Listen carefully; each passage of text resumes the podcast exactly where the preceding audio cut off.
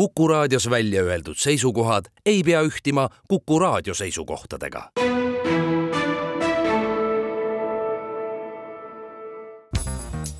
järjejutt. Astolf Töögüstin, Kirjad Venemaalt, tõlkinud Madis Jürviste Postimehe kirjastuselt. järjejutt. Travemünde, neljandal juulil tuhande kaheksasaja kolmekümne üheksandal aastal. kui mu Lübecki võõrastemaja peremees täna hommikul teada sai, et ma sõidan peagi laevaga Venemaale, astus ta minu tuppa, näol kaastundlik ilme, mis pani mind naerma. ta on peenema mõtlemisega ja iroonilisem, kui tema kaeblik hääletoon ja tema prantsuse keele hääldus laseksid esmapilgul arvata. kuuldes, et ma reisin vaid omaenese huvist, hakkas ta mulle saksaliku sõbralikkusega epistlit lugema, et ma oma plaanist loobuksin. Te tunnete Venemaad? küsisin ma talt. ei, härra, aga ma tunnen venelasi. Lübeckist käib neid hulganisti läbi ja mina annan riigile hinnangu selle elanike näojoonte järgi mida te siis nende näoilmetes näete, mis peaks mind takistama nende juurde minemast? härra, neil on kaks iseloomulikku palet. ma ei räägi teenritest, kellel pole ainsatki, vaid isandatest. Kui nemad siia jõuavad, et tulla Euroopat avastama, näivad nad olevat rõõmsad, vabad, rahulolevad Nad on otsekui põgenema pääsenud hobused, linnud, kelle puuri uks on korraga lahti tehtud. mehed, naised, noored, vanad, nad kõik on õnnelikud nagu vaheaega veetvad koolilapsed. aga kui nad koju naasevad, on nende näod pikad, sünged, piinatud. Nad on sõnaohtrad ja nende kõne on hüplik. Nende laup on murelik sellest erinevusest järeldan ma, et maa, kust lahkutakse väga rõõmsalt ja kuhu naastakse väga suure kahetsusega, on vilets maa. võib-olla on teil õigus, jätkasin mina, aga teie märkused tõestavad mulle, et venelased ei olegi nii salapärased, kui neid meile kirjeldatakse mina arvasin, et nende meeleolusid polegi võimalik välja lugeda kodumaal on nad küll sellised, aga meid, korralikke sakslasi, nad ei umbusalda. lausus võõrastemaja peremees minekule asudes ja kergelt naeratades. Ennäe meest, kes kardab lihtsameelsena näida, mõtisklesin ma üksinda jäädes ja naerdes tuleb ise reisile minna, et teada saada, kui palju mõjutab inimeste iseloomu reputatsioon, millele on paljude rahvaste puhul aluse pannud reisijad, kes tihtipeale on mõttelaiskusest oma hinnangutes kergemeelsed. Just iga üksikisik püüab protestida hinnangute vastu, mis levivad tema maainimeste suhtes homme hommikul astun laevale, mille kõiksuguste ebamugavustega seisan rõõmuga silmitsi. kui see laev viib mind kõrbetesse ja steppidesse, steppidesse. Juba ainuüksi see idamaine sõna toob mulle eelaimduse tundmatust ja imelisest loodusest ta äratab minus ihaluse, mis on mulle nooruse ja vapruse eest ja meenutab mulle, et siia ilma sündisingi ma vaid tingimusel, et saan reisida. selline on minu isiksuse saatus. ja kas ma üldse peaksingi seda teile üles tunnistama? Võib-olla poleks ma seda reisi ealeski ette võtnudki, kui Venemaal poleks stepp ma tõesti kardan, et olen meie ajastu ja meie riigi jaoks liiga noor. mu tõld on juba aurikul. venelaste väitel on see üks maailma kõige kaunimaid aurikuid. laeva nimi on Nikolai Esimene. möödunud aastal reisil Peterburist Travemündesse oli laeval tulekahju. aurik taastati ja renoveerimise järel on ta nüüd asumas oma teisele reisile. mälestus esimesel reisil toimunud katastroofist pole jätnud muid jälgi peale mõningase hirmu reisijate seas. nüüd renoveerituna vajab meie kaunis laev nii sügavat vett, et ta ei saagi Peterburini seilata. Kroonlinnas vahetame laeva. kahe päeva pärast aga saadetakse meile tõllad järele kolmanda lamedapõhjalise alusega.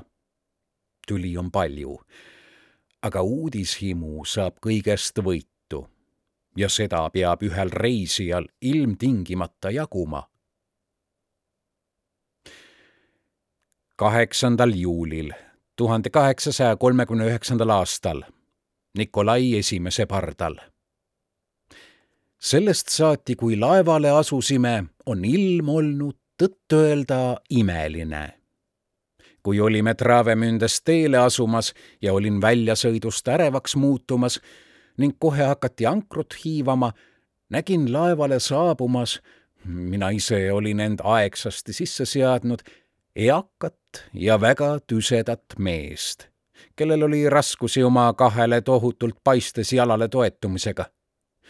tema pea seisis toekalt kahe õla kohal ja näis mulle suursuguse ilmega. tema välimus meenutas täpi pealt Louis kuueteistkümnendat peagi sain teada, et ta on venelane, varjaagidest vallutajate järeltulija ja seetõttu kõige põlisemast aadlisoost. mehe nimi oli vürst K.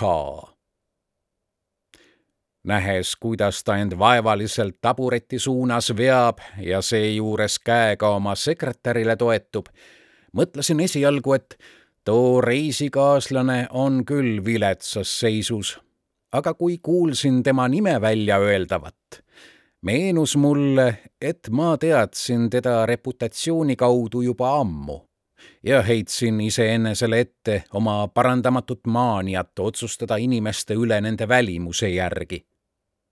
vanamees, kelle näojooned olid avalad ja silmavaade terav, oli küll suursuguse ja siira olekuga aga vaevu oli ta jõudnud istet võtta, kui ta juba kõnetaski mind nimepidi, kuigi me polnud kunagi kohtunud.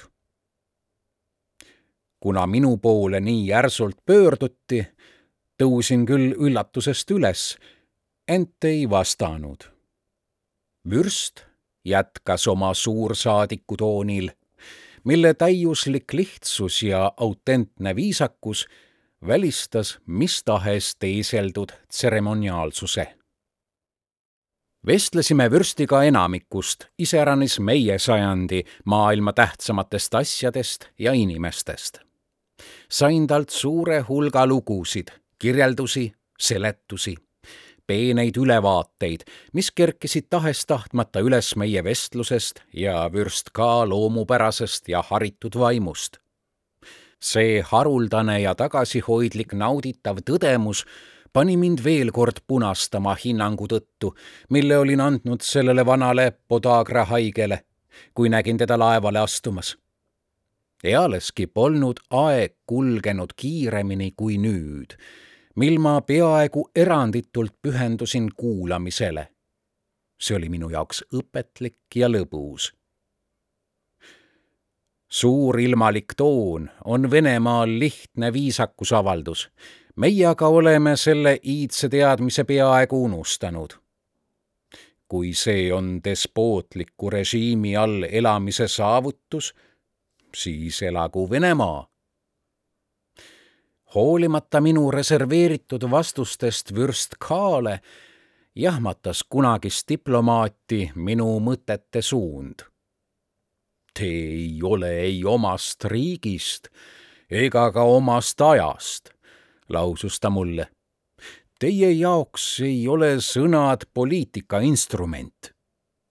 see on tõsi, kostsin mina. ma ei usalda advokaate ega ajalehti, mis kajastavad nende sõnu vaid ühe ööpäeva. Nemad on türannid, kes meid nüüdisajal ähvardavad. tulge meie juurde, õpite ka teisi türanne kartma. Asjata üritate, vürst Teie ei suuda mind panna Venemaast halba mõtlema. ärge otsustage ei minu ega ühegi teise reisidel käinud venelase järgi. meie oma paindliku loomuga saame kosmopoliitideks niipea, kui kodumaalt välja saame ja juba ainuüksi see vaimsus on satiir meie valitsuse vastu. Siinkohal hoolimata harjumusest vestelda siiralt kõiksugustel teemadel, hakkas vürst suhtuma ettevaatlikult minusse, iseendasse, peamiselt aga teistesse ja laskus üpris udustesse kirjeldustesse.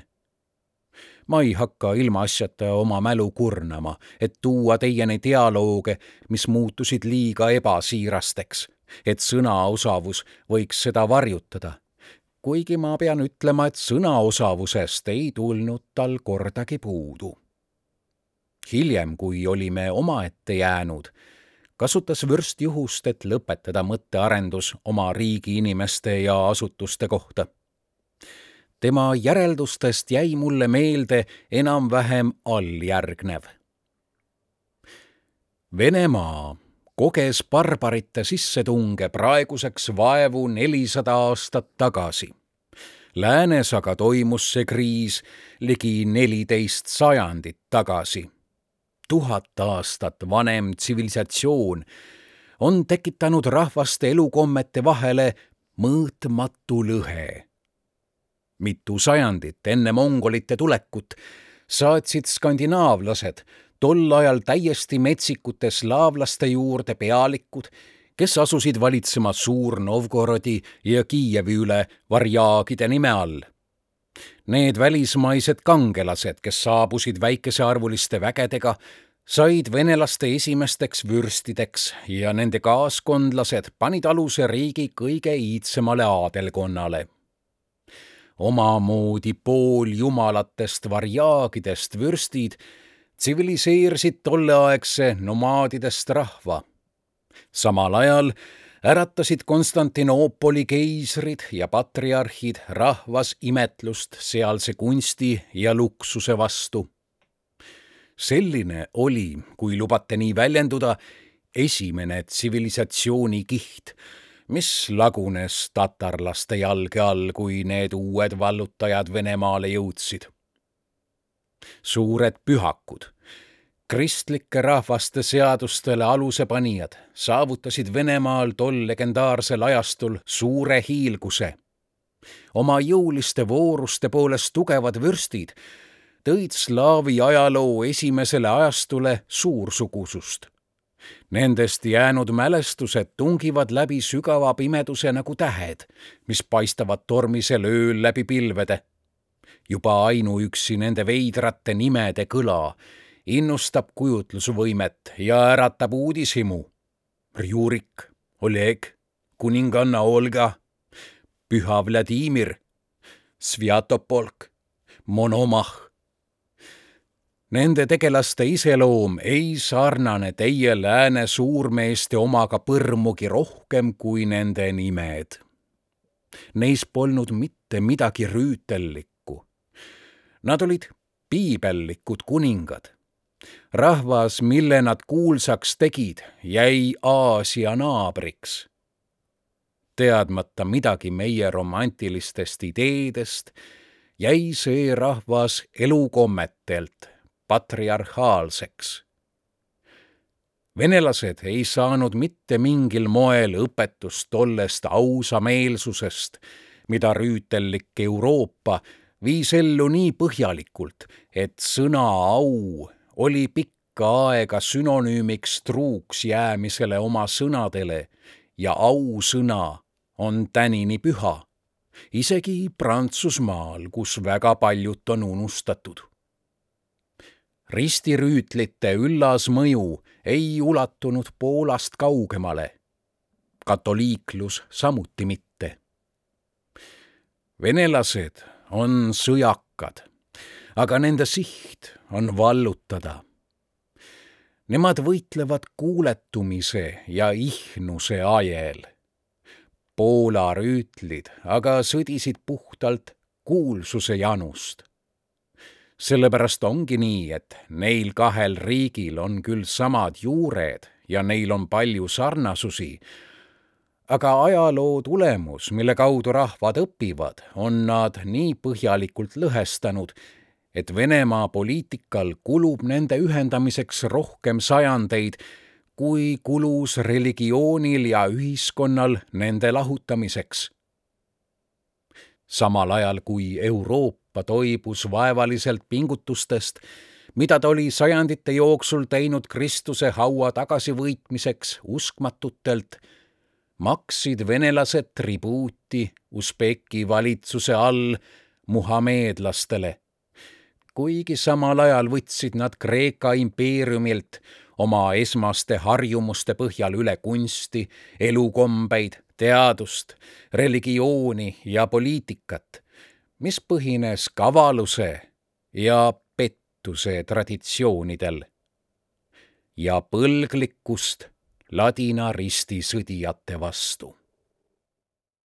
kui te mõtlete kõigile neile religiooni, ühiskonna ja poliitika aspektidele, siis te ei imesta enam, miks saab nii vähe usaldada venelase väljaöeldut siin räägib vene vürst.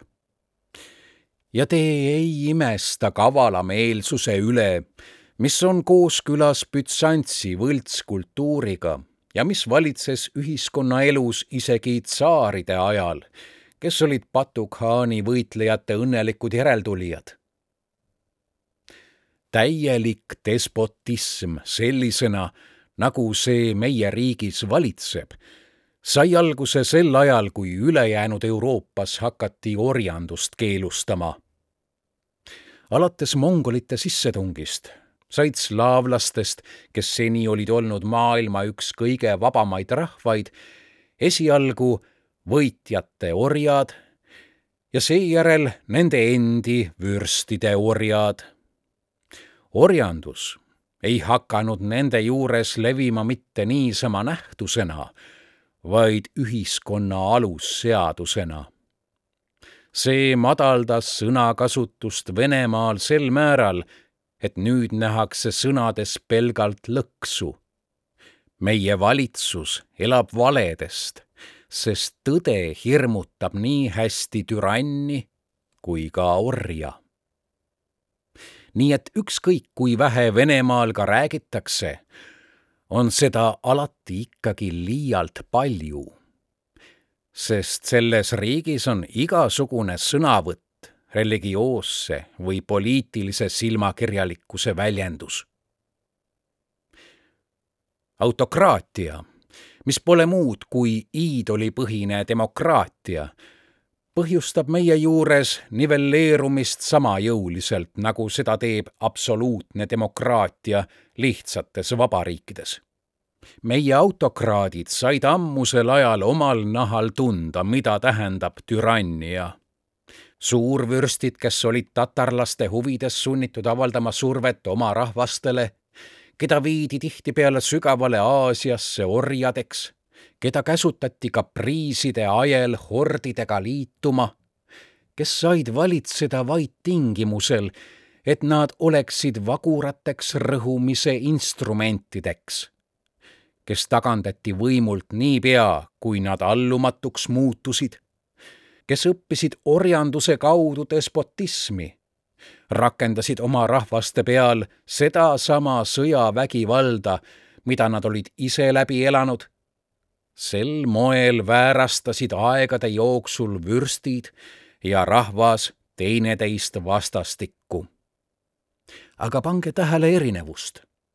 see kõik toimus Venemaal samal ajal, kui lääne kuningad ja nende suurvasallid võitlesid oma üllameelsuses rahvaste orjusest vabastamise eest.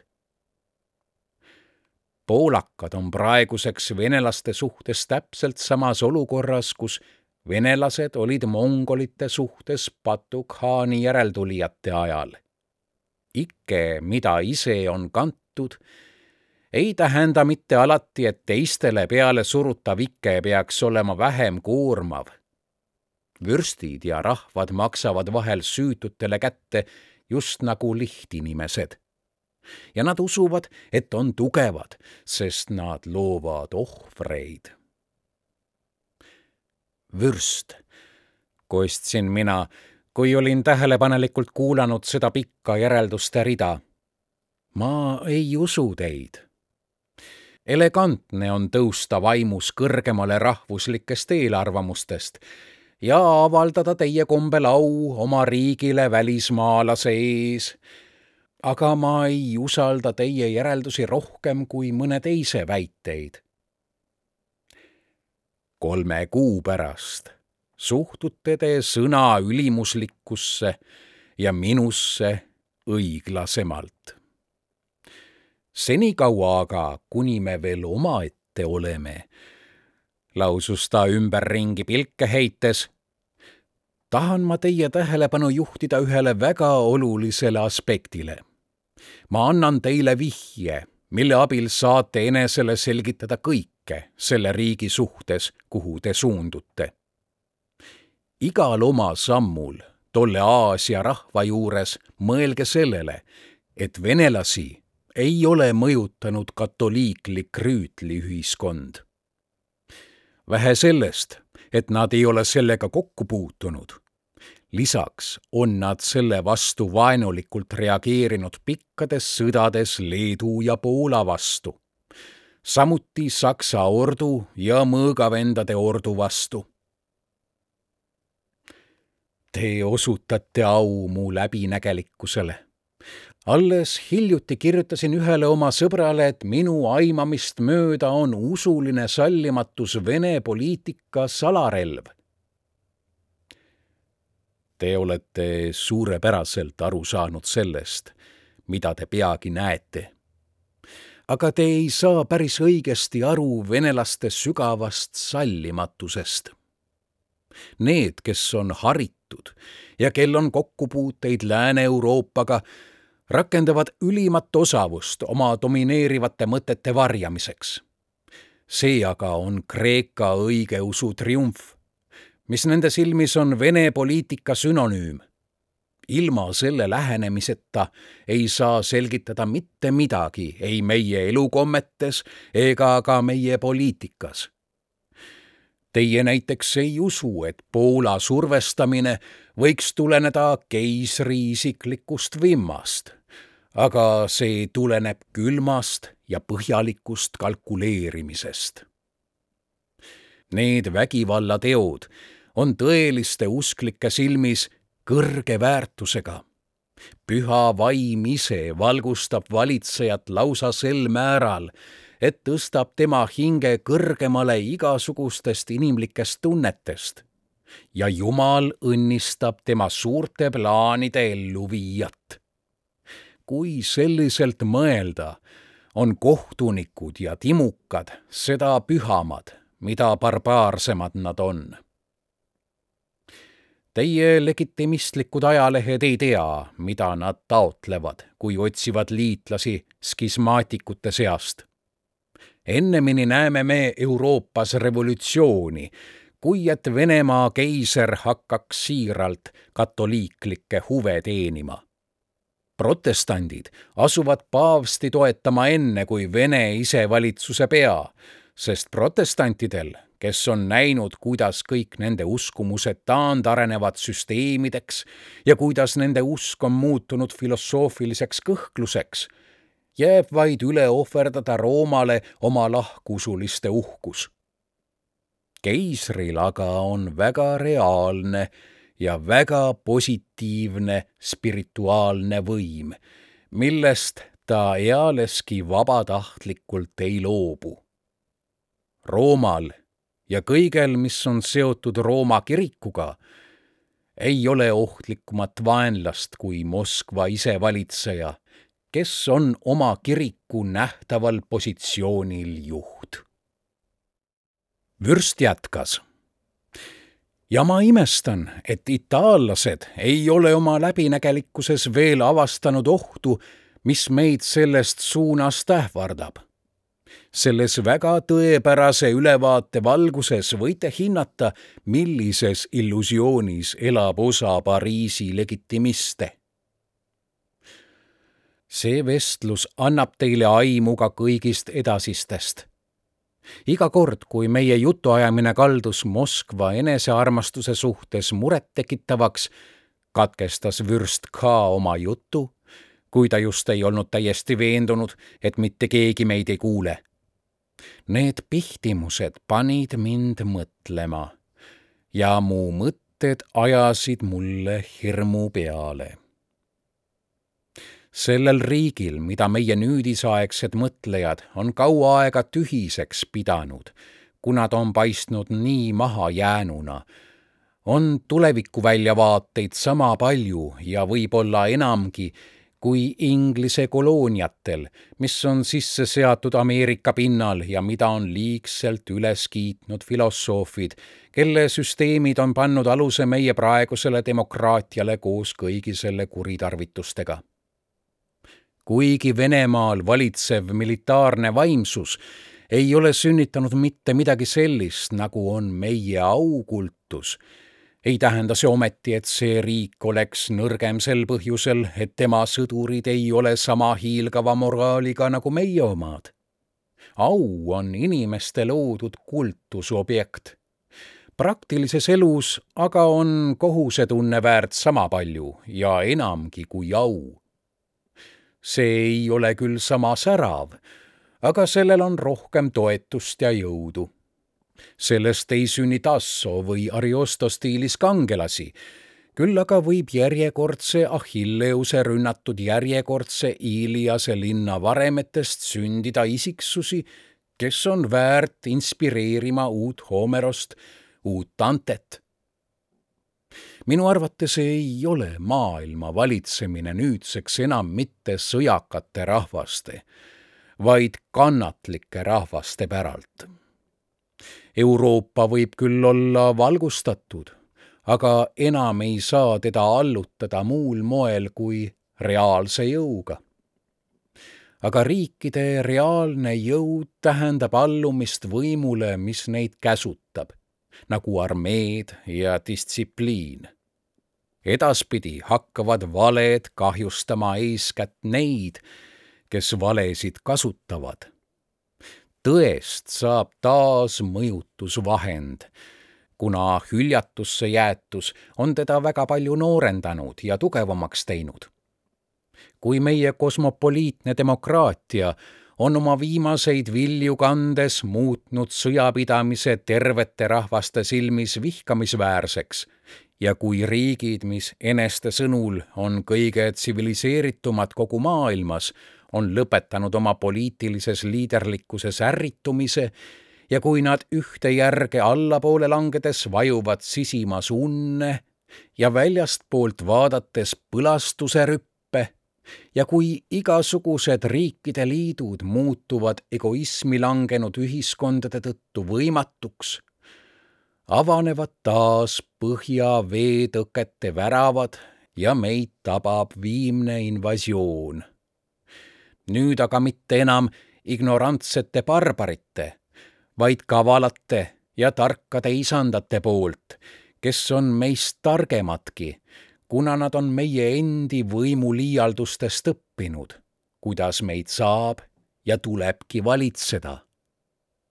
Mitte ilmaasjata ei ole jumalik ettemääratus killustanud Ida-Euroopas väga palju passiivseid jõude kord ärkab uinunud hiiglane üles ja vägivald teeb sõnadega valitsemisele lõpu. siis püüab pea kaotanud võrdsus asjata kutsuda aristokraatiat üles vabadust päästma. relv, mis haaratakse liiga hilja ja mida kannavad liiga pikka aega tegevuseta seisnud käed, muutub jõuetuks ühiskond hävib, kuna ta on usaldanud sisutühje ja vastuolulisi sõnu. arvamuste petlikud kajastajad, ajalehed püüavad aga iga hinna eest lugejaskonda hoida ja kutsuvad üles murrangutele, kas või selleks, et neil oleks veel ühe kuu jagu millestki kirjutada. Nad surmavad ühiskonna, et elada tema laibast. minu uudishimu näha Venemaad ja imetlus, mida äratab minus distsipliini vaimsus, millest selle meeletult suure riigi võim peab juhinduma ei takista mind andmast erapooletut hinnangut tema valitsuse poliitikale. isegi kui Venemaa domineerimine piirneks diplomaatiliste nõudmistega ega läheks vallutustegevuseni, oleks see minu hinnangul maailma jaoks kõige kardetavam. me eksime rolli suhtes, mida see riik Euroopas mängiks. põhiseadusliku põhimõtte järgi esindaks ta korda inimloomuse tõttu aga levitaks türanniat ettekäändel, et võideldakse anarhia vastu. just nagu oleks meelevaldsest võimust mingisugustki kasu mis tahes kurja vastu. sellel riigil on puudu moraalsuse element.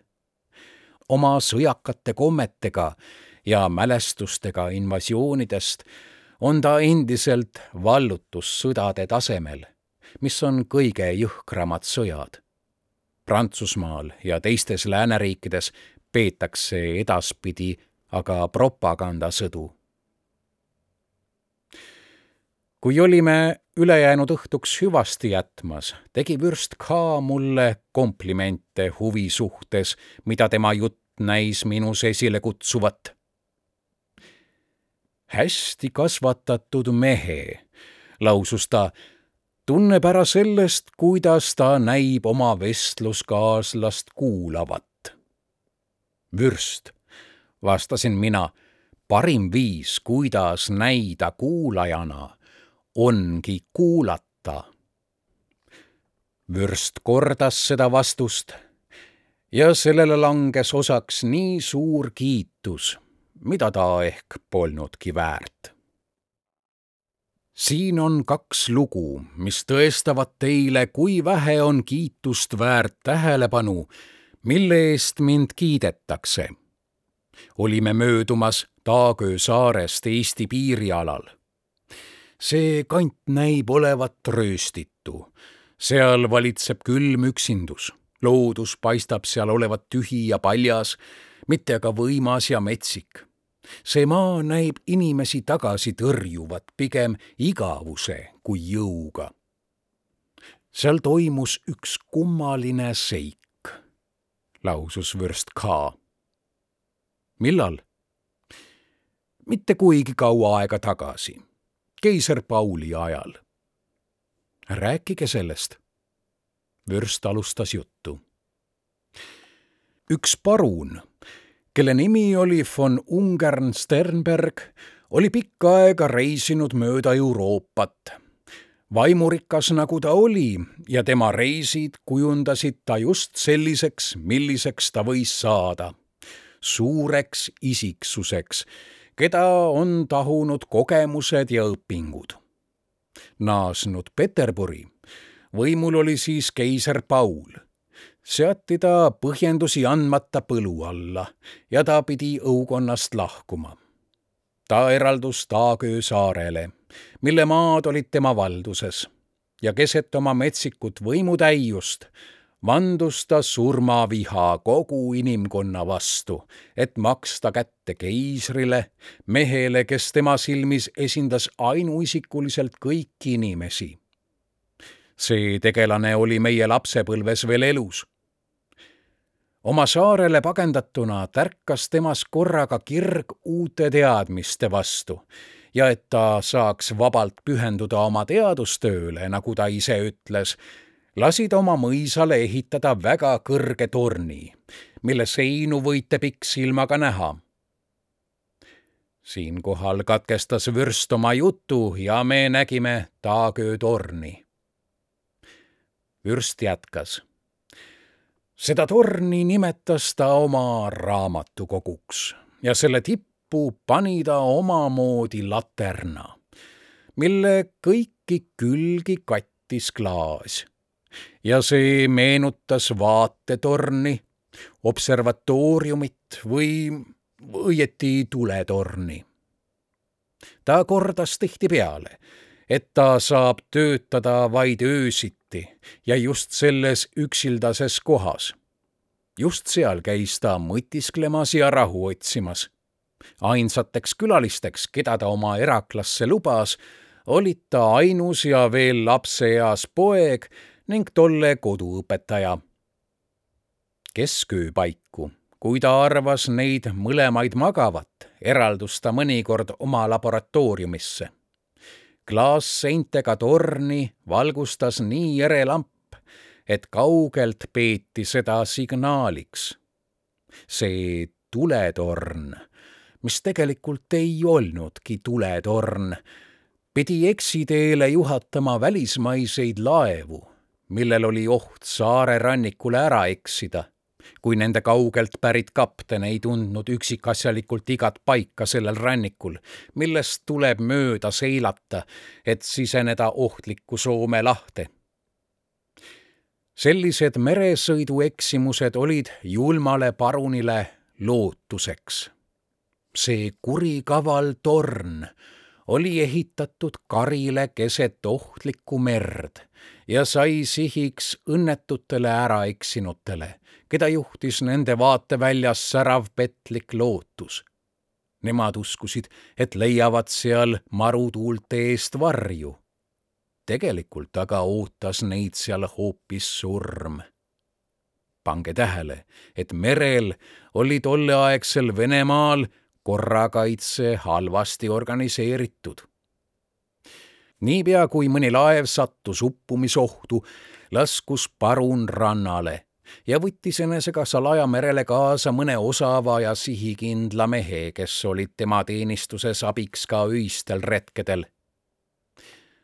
ta võttis võõramaalastest meremehed vastu, aga selle asemel, et neid päästa, võttis ta neilt pimedas elu ja olles nad teise ilma saatnud rüüstas nende laeva. Seda kõike ei teinud ta mitte niivõrd ihnusest, kuivõrd pelgast hävitustungist. kuna ta umbusaldas kõike, iseäranis õigussüsteemi, oli tema silmis moraalne ja ühiskondlik korralagedus kõige ligilähedasem inimese seisundile maa peal tsiviilühiskonna ja poliitika voorustes aga nägi ta kahjulikke pettekujutelmi, kuna need vaid ärritavad loodust, ilma teda taltsutamata. tema väitis omasuguste elu üle otsustades, et tegutseb kooskõlas jumaliku ettemääratusega, mis, nagu ta ütles, toob surma kaudu pääsemise ellu ühel hilissügisesel õhtul, aastaajal, mil ööd on kõige pikemad, oli ta tapnud, nagu talle kombeks oli, ühe Hollandi kaubalaeva meeskonna. vandiraiujad, kes olid teenijate seas paruni alluvuses valvuritena, olid juba mitu tundi maale kandnud karile jooksnud laeva lasti. aga nad ei märganud, et verevalamise ajal oli laeva kapten koos mõne madrusega pimeduse varjus paadiga plehku pannud. Kui päev oli koitmas, polnud parun ja tema mõrtsukad oma sünge tööga veel lõpulegi jõudnud. korraga aga anti märguanne paadi saabumisest. otsekohe suleti maa-aluste koobaste uksed, kus hoiti rüüstatud saaki ja võõra ees lasti alla tõstesild aadlik näitas üles elegantset külalislahkust, mis on vene elukommete iseloomulik ja lahutamatu osa ning tõttas saabunute pealikku vastu võtma. mananud näole täiesti rahuliku ilme, läks ta võõrast ootama poja eluruumide kõrval asuvasse tuppa. tema poja koduõpetaja oli parasjagu ränga haigusega voodis. Selle mehe toa uks viis samasse ruumi ja oli avatud. anti teada reisija saabumisest. härra Parun lausus võõras enesekindlal toonil ja ettevaatamatult. Te tunnete mind, aga te ei saa mind ära tunda, sest te nägite mind vaid põgusalt ja pimedas. Mina olen selle laeva kapten, mille meeskonnast osa teie müüride all hukkus. ma tulen teie juurde kahetsustundega aga ma olen sunnitud teile ütlema, et mitu teie meest tunti sagina käigus ära ja teid endid nähti oma käega ühel mu mehel kõri läbi lõikamas. parun vaikis ning läks ja lükkas tasaselt oma poja koduõpetaja toa ukse kinni. laevahukust pääsenu jätkas. ma räägin teile seda sellepärast, et minu kavatsus ei ole teid hukule määrata, vaid ma lihtsalt tahan teile tõestada, et teie käekäik on minu teha. tagastage mulle mu kaup ja mu laev. See on küll vigastada saanud, aga suudaks mind Peterburi viia. mina omakorda tõotan pidada saladust ja seda võin ma vandega kinnitada. kui minus valitseks kättemaksuiha, oleksin ma randunud mujal ja teid esimeses külas üles andnud. minu käik teie juurde aga tõestab teile mu soovi teid päästa, kuna ma hoiatan teid ohu eest, millesse te end oma kuritegudega olete seadnud. järjejutt. Astolf Töögustin, Kirjad Venemaalt tõlkinud Madis Jürviste Postimehe kirjastuselt. järjejutt